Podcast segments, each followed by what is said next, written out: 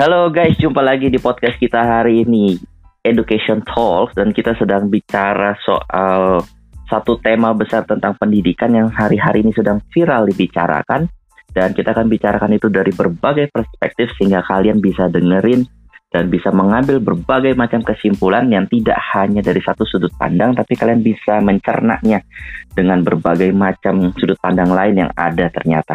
Dan hari ini kita secara khusus akan bicara tentang pendidikan yaitu dalam menghadapi orang tua dan sudah bersama saya narasumber yaitu Miss Grace. Halo Miss Grace. Hai. Nah, lagi. lagi. nah, kalau kalian yang ketinggalan Miss Grace, jadi kalian boleh dengar podcast kita sebelumnya. Kita sudah ada dua episode bersama Miss Grace. Dan ini episode kita yang ketiga bersama Miss Grace. Dan nanti kita akan coba hmm. gali lagi topik-topik lain yang lebih menarik untuk kita bahas. Karena ternyata uh, isinya daging semua.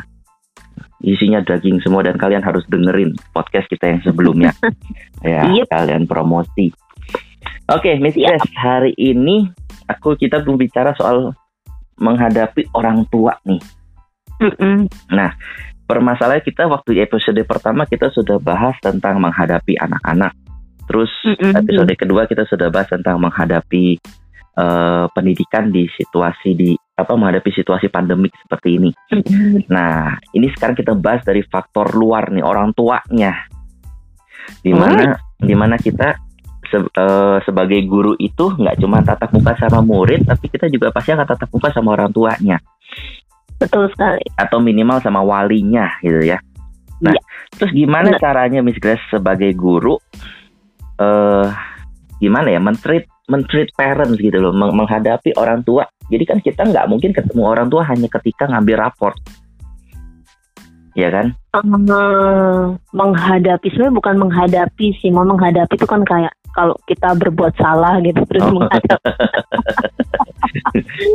enggak lah hmm. uh, mindset guru tuh dari awal bahwa parents itu kan harus partner parents partner. itu partner betul okay.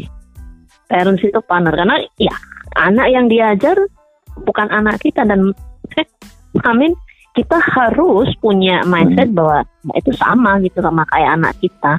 Hmm. Misal kita kan kalau kita bicara agak alkitabiah diri sedikit gitu kan, uh-huh. perlakukan bagaimana kamu mau diperlakukan. Well, kalau aku dalam posisiku uh-huh.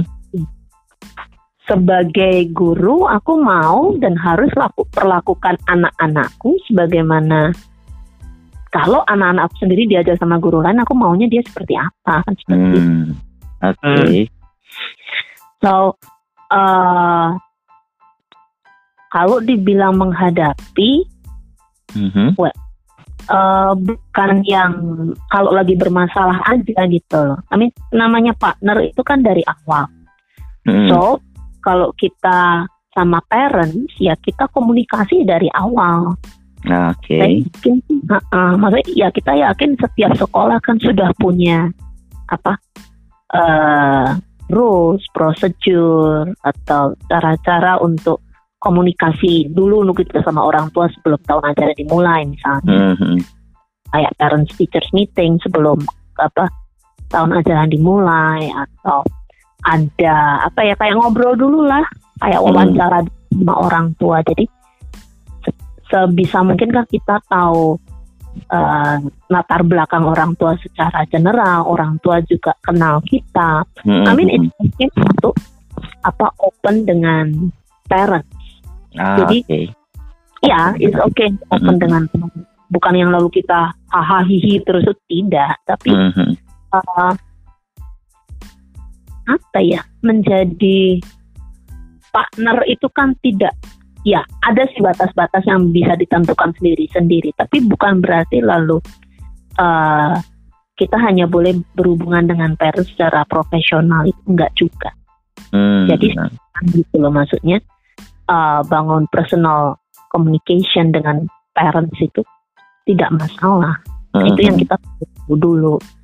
Dan uh, apa ya? untuk komunikasi dengan parents, ya sekali lagi kita kenal parents, kita kenal orang itu kan perlu. dan uh, kadang ya kadang nih informasi dari kayak wali kelas sebelumnya gitu itu penting cuma jangan hmm. itu uh, dijadiin apa ya patokan ya patokan utama gitu iya hmm. jadi contoh uh, wali kelas sebelumnya bilang eh nanti kamu dapat anak ini ya hmm. papinya maminya tuh begini hmm. ini nah uh, somehow itu kan jadi kayak apa ya bahasa bahasanya momok kan menakutkan kah buat ya, kita? nah it, itu yang tidak boleh sebenarnya. Ya kita tahu informasi itu tidak apa-apa. Itu perlu. Mm-hmm. dan uh, apa ya? Ya you need to talk dulu. Kamu harus bicara dulu komunikasi dulu secara personal. Hmm oke. Okay. tetap nah, harus personal kenal ya uh, tahu gitu loh tahu mm-hmm. orang ini. Memang sih tidak tidak setiap guru punya kesempatan untuk ngobrol panjang gitu kan sama orang tua. Mm-hmm. Makanya uh, di sekolah sebisa mungkin dengan anak pun ngobrol tentang keluarga itu enggak apa-apa. Perlu mm-hmm. gitu loh. Mm-hmm. Karena kan ngobrol sama anak tentang keluarga mereka itu kan juga menunjukkan bahwa memang guru ini peduli, guru ini bukan kepo doang gitu loh, tapi memang peduli bahwa hello pendidikan ini nggak cuma di sekolah. Iya iya. di rumah berkesinambungan tuh. Itu satu. Mm-hmm. panjang ya mas nggak apa-apa. Oh ini lagi seru ini justru nggak terus terus gimana? Saya aja lagi nyatet ini. Nah terus terus gimana nih? Dan next uh, nah terus jadi ada note note beberapa yang kita perlu tahu gitu hmm. kan di, di awal dulu nih. Lalu membangunnya gimana ya? Kalau misal ada buku apa ya namanya kok kita buku komunikasi gitu ya di sekolah hmm. gitu. Hmm. Memang diusahakan ada apa ya review gitu loh dari guru anak ini bagaimana dan apa ya tidak cuma oh belajar ini belajar ini belajar ini sebisa mungkin kan guru juga sampaikan hmm, personal comment gitu contohnya hmm. si A uh, membuat kemajuan dalam belajar matematika apa nah, hmm. nah itu uh, kayak report personal kan atau kalau itu TK guru-guru TK hmm. ini sudah mau makan bekalnya sampai habis which is itu laporan yang menyenangkan begitu. Mm-hmm. Lapor, ini kebiasaan kali ya. Kita telepon orang tua itu kalau cuma lagi ada masalah sama si anak, kan ah. sebenarnya tidak gitu. Tapi kita telepon orang tua, bisa kan tentang, eh ini anak ternyata buat kemajuan loh. Mm-hmm. Ini apresiasi. Parents need to know hal-hal mm. yang seperti itu. So apa ya kebiasaan untuk uh, apa sih hanya lapor kalau pas lagi ada masalah uh, itu ah. yang jadi, yang perlu iya yang perlu dikurangi. Iya jadi lah bikin laporannya jangan kalau ketemu masalah baru ngelapor. Anaknya nggak ada masalah malah nggak dilaporin apa apa jadi nggak ada perkembangannya ya. Perkembangannya jelek-jelek aja kayak perkembangan kalau ada masalah. Ya, Betul. Nah memang sedini mungkin kalau memang apa guru guru kan perlu mengamati ya hmm. ya anak dan konfirmasi sama orang tua. Itu itu yang penting. Jadi kita tidak bisa ngejudge anak hanya menurut penilaian kita kan kita perlu konfirmasi sama orang tuanya di rumah seperti apa. Hmm. Contohnya ya anak tiba-tiba diem. Oh, kita tidak bisa langsung berasumsi oh dia lagi sakit gigi ya mungkin lagi sakit gigi gitu kan lalu diajak ngobrol diajak ngobrol pun nggak jawab nih misalnya atau hmm. lalu tiba-tiba nangis gitu kan hmm. ya kita kan perlu konfirmasi eh, ternyata di rumah tidak ada apa-apa nah kan berarti kita perlu kerjasama sama orang tua untuk tanya untuk tahu nih anak sebenarnya ada apa hmm. baik dan hmm. ya, kejadian kan seperti kalau pengalaman pribadi sih anak itu saya punya anak murid hmm. dia kelas 2 tiap kali uh, apa ya jam pelajaran saya itu Hmm. nangis Nah lu, nah lo kan bahaya gitu kan ya apa apa gitu nah kok bisa? Nah terus gimana tuh? Gitu dan ya I mean, itu, itu juga perlu itu juga perlu eh, di di kita sih. Waktu kita hadepin masalah di kelas guru-guru perlu refleksi ke diri sendiri dulu. Jadi bukan anak yang salah gitu. Jadi kita tidak lihat siapa yang salah dulu tapi refleksi diri diri sendiri dulu. Eh, mungkin eh key point-nya di salah di, di saya gitu. Bukan Mhm. nah atau di parents dan sebagainya. Nah, baru nanti konfirmasikan ke anak ke orang tua dan seperti dan selanjutnya. Nah, untuk cerita yang tadi, Mhm. waktu saya, iya kenapa ya? Apa saya galak? Apa saya ini? Mhm. Ternyata, ternyata tidak. Jadi setelah ditelusuri telusuri, dia itu nangis itu karena takut makannya nggak habis. Oh, kok makannya nggak habis. Nah, jam pelajaran saya kan nggak makan. Oh, ternyata setelah jam pelajaran saya itu outdoor gitu dan biasanya anak-anak tuh makan. hmm, gitu. Nah. Kalau anak-anak makan gitu, selesai makan habis gitu kan dia tunjukin sama wali kelas nih. Mhm. Ah, my breakfast finish gitu dan Miss mungkin ka- ah, karena ada apresiasi dengan stiker kah atau bintang, dia nggak jadi rasa kecil gitu loh. Mhm. kok aku tidak aku tidak dapat stiker makananku tidak habis gitu jadi waktu pelajaran saya yang sebelum hari apa waktu jam istirahat itu jadi kayak dia sudah tidak fokus dengan pelajaran dan membayangkan bahwa dia tidak akan dapat stiker after this Mhm. Padahal itu masih belum kejadian ya, masih lama. Nangisnya udah sekarang gitu.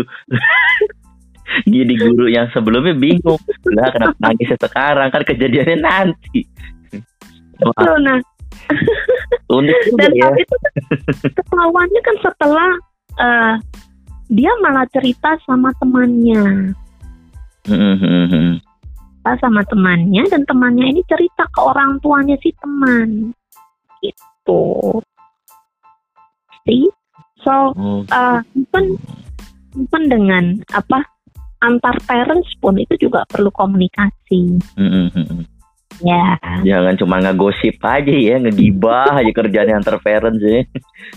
Ngumpul di depan sekolah, ngerumpi. enggak lah mohon kita mami-mami ini kan senang berjualan Nah, itu. Terjalin dari penjualan online. Aduh, Iya. memang perkembangan dunia memang hebat. helpful loh betul it's helpful gitu jadi kita Hmm, hmm.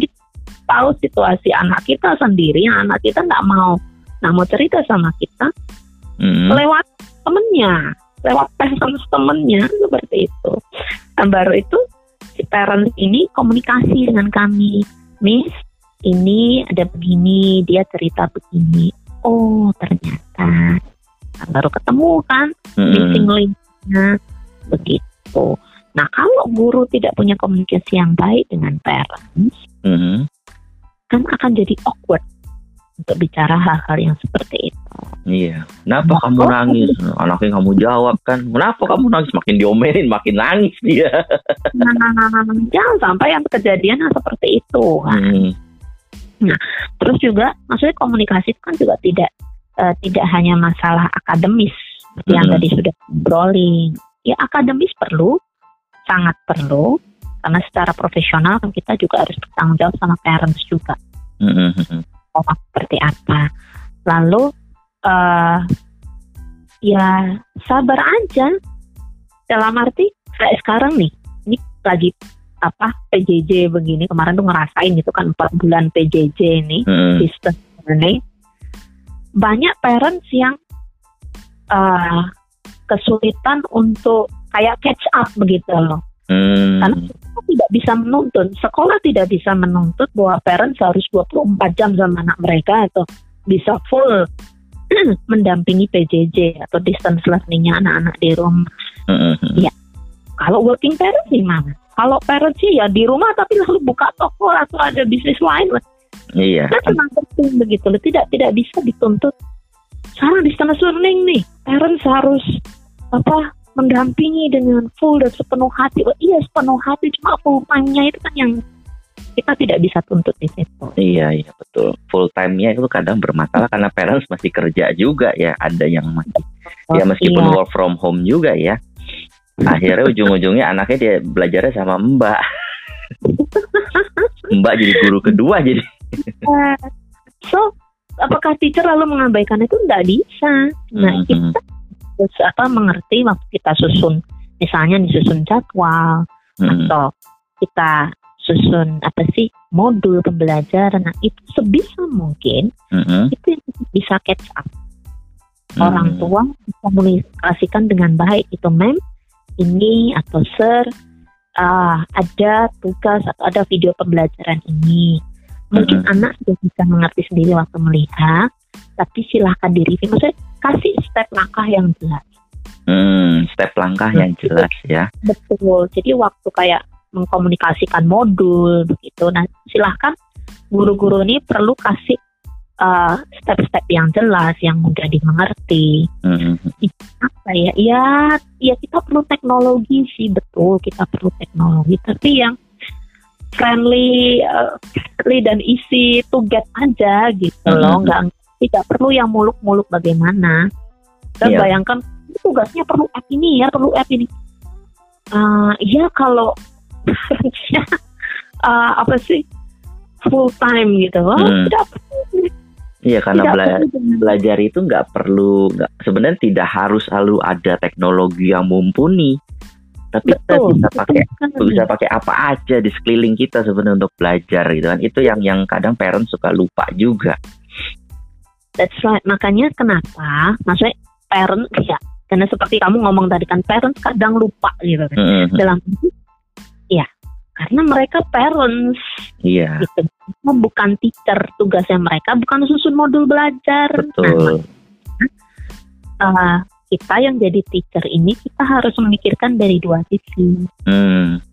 mungkin kalau dari kepentingan guru gimana project uh, project atau proses pembelajaran anak itu tetap terkendali terawasi hmm. bisa dini sebagainya ada ada track recordnya gitu loh hmm. yang tapi itu juga uh, tetap suatu kegiatan yang anak-anak satu mungkin bisa mandiri, mm. dua parents tetap bisa mengawasi, tetap bisa lihat progresnya, mm. dan uh, tidak yang apa, yang cukup simple untuk diikuti gitu loh, yang yang praktikal, yang hmm, dibilang sederhana bukan sederhana, tapi apa ya, yang ya kalau pakai bahasanya Pak Nadim nih, mm-hmm.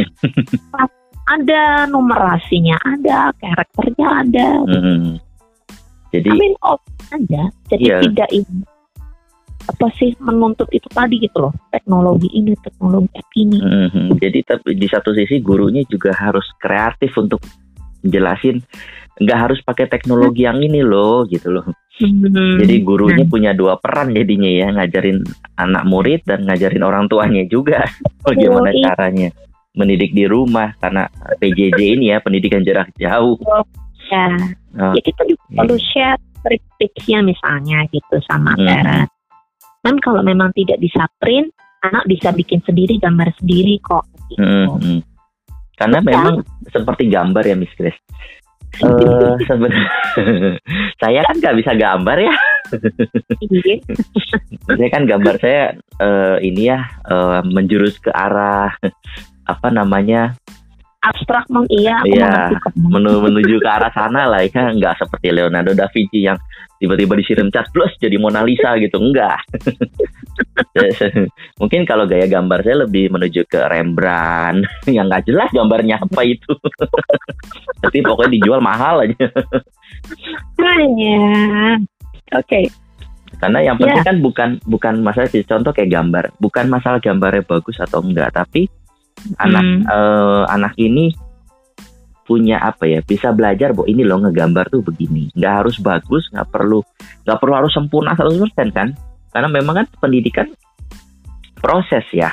Nggak ada ya. orang yang pertama kali ngegambar langsung jadi Mona Lisa kan nggak ada. Itu butuh waktu gitu apa sih gambar kita waktu zaman kecil? Paling ya dua gunung dengan satu jalan tengah kanan kirinya sawah. Udah itu aja. Iya gambar kita dari dulu itu itu aja nggak pernah berubah. Aduh. Iya. Nah itu dia gitu loh. Maksudnya ngobrol sama parents itu hmm. kan juga uh, perlu untuk tahu untuk buka-buka wawasan yang begitu gitu loh. Hmm. jadi uh, parents tuh juga tahu goalnya belajar ini tuh apa gitu loh. Jadi bukan karena kan selama ini kan ya itu tadi gitu loh. Kalau kalau kalau parents tidak dikomunikasikan dengan baik, atau parents nih mohon ngerasain gitu kan jadi guru dan juga jadi parents itu. Amin. Mm-hmm. Uh, aku juga harus baca itu buku komunikasi. Jangan dibiarin ngendon di tas doang gitu kan. Mm. aku aku tidak suka apa bukan aku tidak suka aku tidak punya waktu baca WA grup nih misal katakan seperti itu dan I need gitu loh itu itu harus harus baca setidaknya mm-hmm. aku harus baca hal-hal yang umum aja dulu lah gitu. yeah. kalau iya. memang ada uh, modul yang lagi di sharekan atau bagaimana ya coba download lah buka gitu kan kalau memang perlunya itu tadi gitu loh maksudnya uh, ya lagi masa begini gitu so uh, Iya, parent jadi ini ya parent dan juga jadi guru ini saya tidak bisa uh, tidak bisa lagi mengatakan juga bahwa oh saya sibuk, saya tidak bisa. Mm-hmm. bisa gitu loh karena uh, kita ini partner, kita perlu memang sisihkan waktu, ambil mm-hmm. waktu, komitmen waktu untuk setidaknya itu tadi Contoh kalau pakai WA Group ya silahkan baca WA Group. Kalau itu pakai Google Classroom ya diklik dulu lah, lihat dulu Google Classroom ada uploadnya apa. Oh ada deadline tugas lo besok. Gitu aja gitu iya. loh maksudnya. Yang dia yang direpotkan tuh hal-hal yang begitu. Ya karena sebagai parent juga harus uh, harus tahu kan apa yang diajarin sama anaknya. Iya kita kan nggak nggak mungkin kan beli kucing dalam karung gitu main sekolahin anak aja. Tapi kita nggak tahu anak ini diajarin apa di sekolah. Tiba-tiba dia keluar. Oh, iya tiba-tiba tiba-tiba dia keluar dari sekolah pakai bendera ISIS kan nggak lucu ceritanya nih. Diajarin apa di sekolah itu? Kan aman mon iya makanya. Kita kan sebagai parents harus harus ngerti juga bahwa di sekolah ini diajarinnya ini loh. Ada ada kurikulumnya ada modulnya. Meskipun kita tidak tidak terjun 100% untuk mendalami tapi seenggaknya kita tahu oh di sekolah ini diajarinnya ini jadi kita tahu anak kita dididik apa gitu loh. Iya kan ya, Miss? Hmm. Nggak, nah. nggak, nggak beli kucing dalam karung yang kita punya uang pokoknya kita sekolahin aja. Kita nggak mau tahu pokoknya diajarin apa di sekolah, pokoknya sekolah aja. Iya, nggak bisa begitu juga. Iya, nah, tiba-tiba dia pulang, pulang bisa bikin bom kan bingung ya. Maksudnya kalau komplain, nah, sekarang masalah komplain nih. Mm-hmm. Kadang kan oh, kok kurang cocok ya, kurang sependapat ya. Ini tidak apa-apa itu disampaikan begitu. Hmm. Nah proses yang kalau komunikasi yang baik ya sampaikan dulu ke wali kelas contohnya. Hmm. Sampaikanlah dengan bahasa yang baik. Dan demikian juga dengan orang tua. Nah kalau aku jadi guru, terus aku sampaikan bu gitu ya kan aku tidak bisa bilang bu tolong ya anaknya diperhatikan gitu sama gitu iya tiba-tiba gitu ini WA WA chat gitu ibu tolong ya si C ini belum kerjakan tugas satu dua tiga empat lima seratus gitu kan nggak bisa. Iya. Ya, sampaikan gitu loh, mohon iya. di, kita perlu berbahasa dengan baik.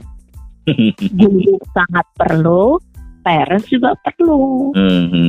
Nah, iya. bicara soal komplain gini nih, kan kalau kalau zaman dulu ya itu terkenal banget kalau misalkan murid ditegur sama guru hmm. atau dimarahin sama guru lalu lalu dia pulang ke rumah dan dia ngadu sama orang tuanya. Bukannya dibela malah makin diomelin sama orang tuanya gitu kan. Itu zaman oh. dulu. Yeah. kalau zaman sekarang ketika murid ditegur sama guru atau di di diomelin sama guru pulang ngadu malah or, malah orang tuanya marahin balik ke gurunya gitu. Nah ini gimana sih yang kayak begini nih? Ya enggak apa dengarkan dulu lalu konfirmasikan. Kan begitu Mm-hmm. Tahu, uh, maksudku gini, uh, setiap kejadian yang ada uh, sama anak itu memang uh, sedikit banyak tanggung jawab guru.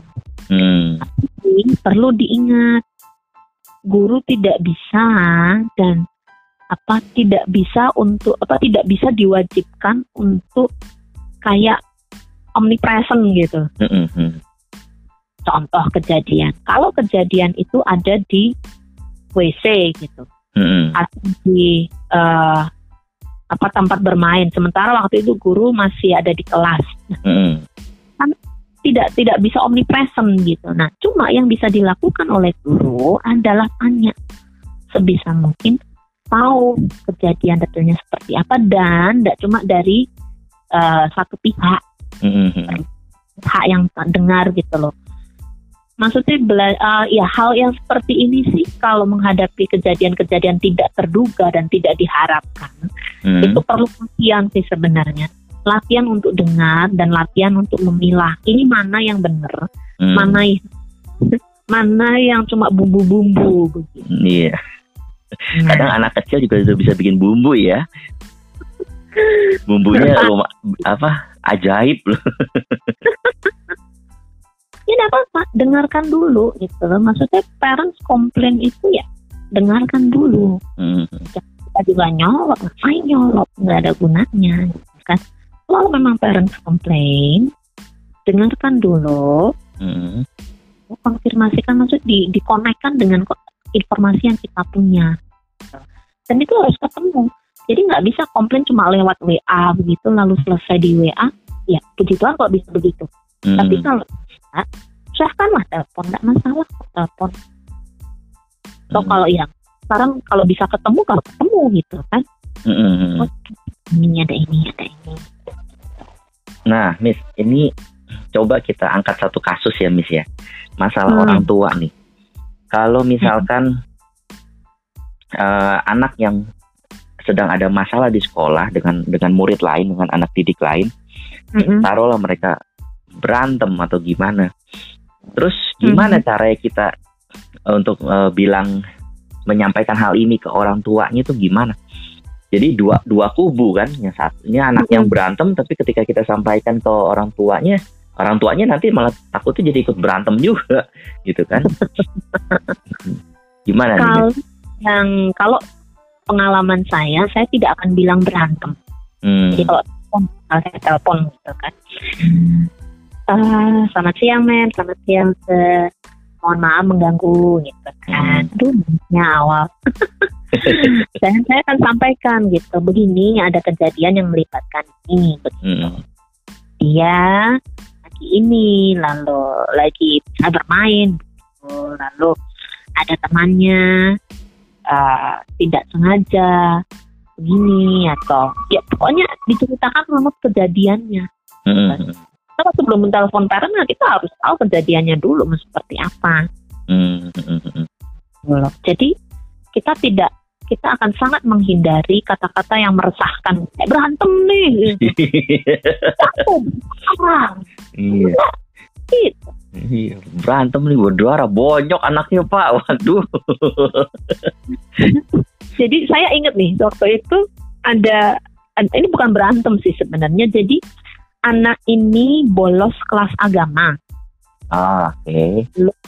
Dia eh, dia sama dua orang temannya gitu waktu turun tangga itu merosok apa ya merosok gitu loh meluncur meluncur dengan posisi ke belakang begitu Hmm, hmm, hmm. gitu gitu.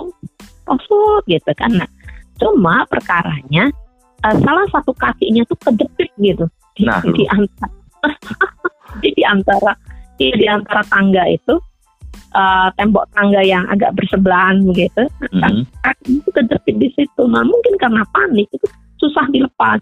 Hmm. nah, kita, kita komunikasi. Ya anak dua anak yang lain mah kabur aja gitu. Kabur. Waduh persahabatannya sungguh ajaib sekali. Bagai kepompong. Kabur ditinggalin. Ya terus, gitu. panik gitu kan. Panik Hmm. dia teriak teriak teriak. Nah sebenarnya panik paniknya bukan karena kejepit. Paniknya karena ditinggal temannya ya Aduh. Nah, terus Aduh. gimana tuh misal itu? ya komunikasi ke kita telepon gitu orang tuanya. Nah sebelum telepon kan kita sudah susun oh ngomongnya hindari kata ini kata ini kata ini. Oke, kita sampaikan bapak anak bernama ini eh, mengambil waktu lebih awal keluar dari kelas karena Mm-mm. dua orang teman gitu lalu apa dia turun tangga dengan cara ini tapi sayangnya salah satu kakinya terjepit sekarang Mm-mm. ini diusahakan untuk dikeluarkan kami sudah olesi minyak ini dan sebentar lagi sudah jadi bapak uh, tidak perlu khawatir namun kami menyarankan bapak atau ibu bisa segera ke sekolah gitu Mm-mm. Mm-mm. bisa gitu loh maksudnya ya, ya waktu tahun guru perlu menenangkan diri sendiri dulu sih Mm-mm. Jadi jangan kita panik. Kita yang kita yang panik ya. ini gimana ya? Ya kita panik kan orang tua ikut panik nggak boleh Iya, gurunya panik, anaknya lebih panik lagi. Hei, kan kasih anaknya ini gimana? Oh iya. Oh iya kalau guru panik duluan kan apalagi sampai bilang waduh kaki kamu nggak bisa keluar tadi potong lu no anak makin ngejerit. Aduh Iya. emang luar biasa ya ternyata ya.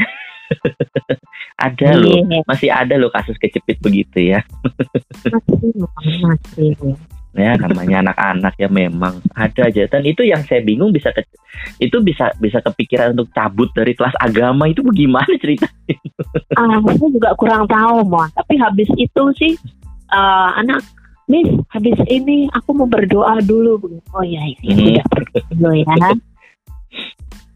Jadi saya bisa merefleksi ternyata. Bisa merefleksi. Oh ternyata cabut itu menyebabkan saya kena karma seperti ini ya. Jadi waduh itu pelajaran Iya. luar biasa sekali untuk anak itu dan teman-temannya dan dia akan belajar satu hal lagi bahwa persahabatan tidak seperti kepompong. Di saat kita sulit teman-teman kita kabur. Wah itu sungguh pelajaran kehidupan yang luar biasa. Iya, buat anak sih. Tapi kita juga waktu itu lumayan panik itu karena ini ngeluarinnya gimana gitu kan. Iya. Jadi sempat kan gitu kita juga minta izin, Bapak, Ibu, eh, ini kami akan pakai bor untuk ngebor sedikit bagian apa tangga yang menjepit gitu. Mm-mm. eh apa mohon anak nanti kalau bapak ibu sudah di sini dan masih dalam proses ngebor mohon dibantu gitu kan untuk menenangkan Mm-mm. Nah. Bor begitu kan panik tuh Iya, denger. Ya, gak usah, gak usah bor yang gede, Miss. Kita dengar suara bor dokter gigi aja udah panik. Bagi bor yang gede. ya itu tadi gitu maksudnya kalaupun menyampaikan hal-hal yang memang terkait anak sebisa mungkin kan kita tidak menutupi Mm-mm. tidak boleh menutupi gitu kecuali kecuali contohnya eh, memang ya hal-hal yang sepele begitu loh Mm-mm. anak tidak dapat eh, nilai KKM itu kita tidak tidak perlu yang menutupi yang begitu Mm. itu itu hal yang apa bukan signifikan gitu loh untuk di, disampaikan dengan kepanikan atau personal Hmm. gitu. Karena itu hal yang bisa diulang ya enggak KKM ya. Enggak apa-apa kita sampaikan dulu ke anak Mm-mm. Nih. Sebentar lagi sedikit lagi bisa KKM contohnya begini. So, yuk kerjakan yang ini ya. Jadi kita bisa kamu bisa dapat nilai KKM. Mm. Bisa tuh. Iya.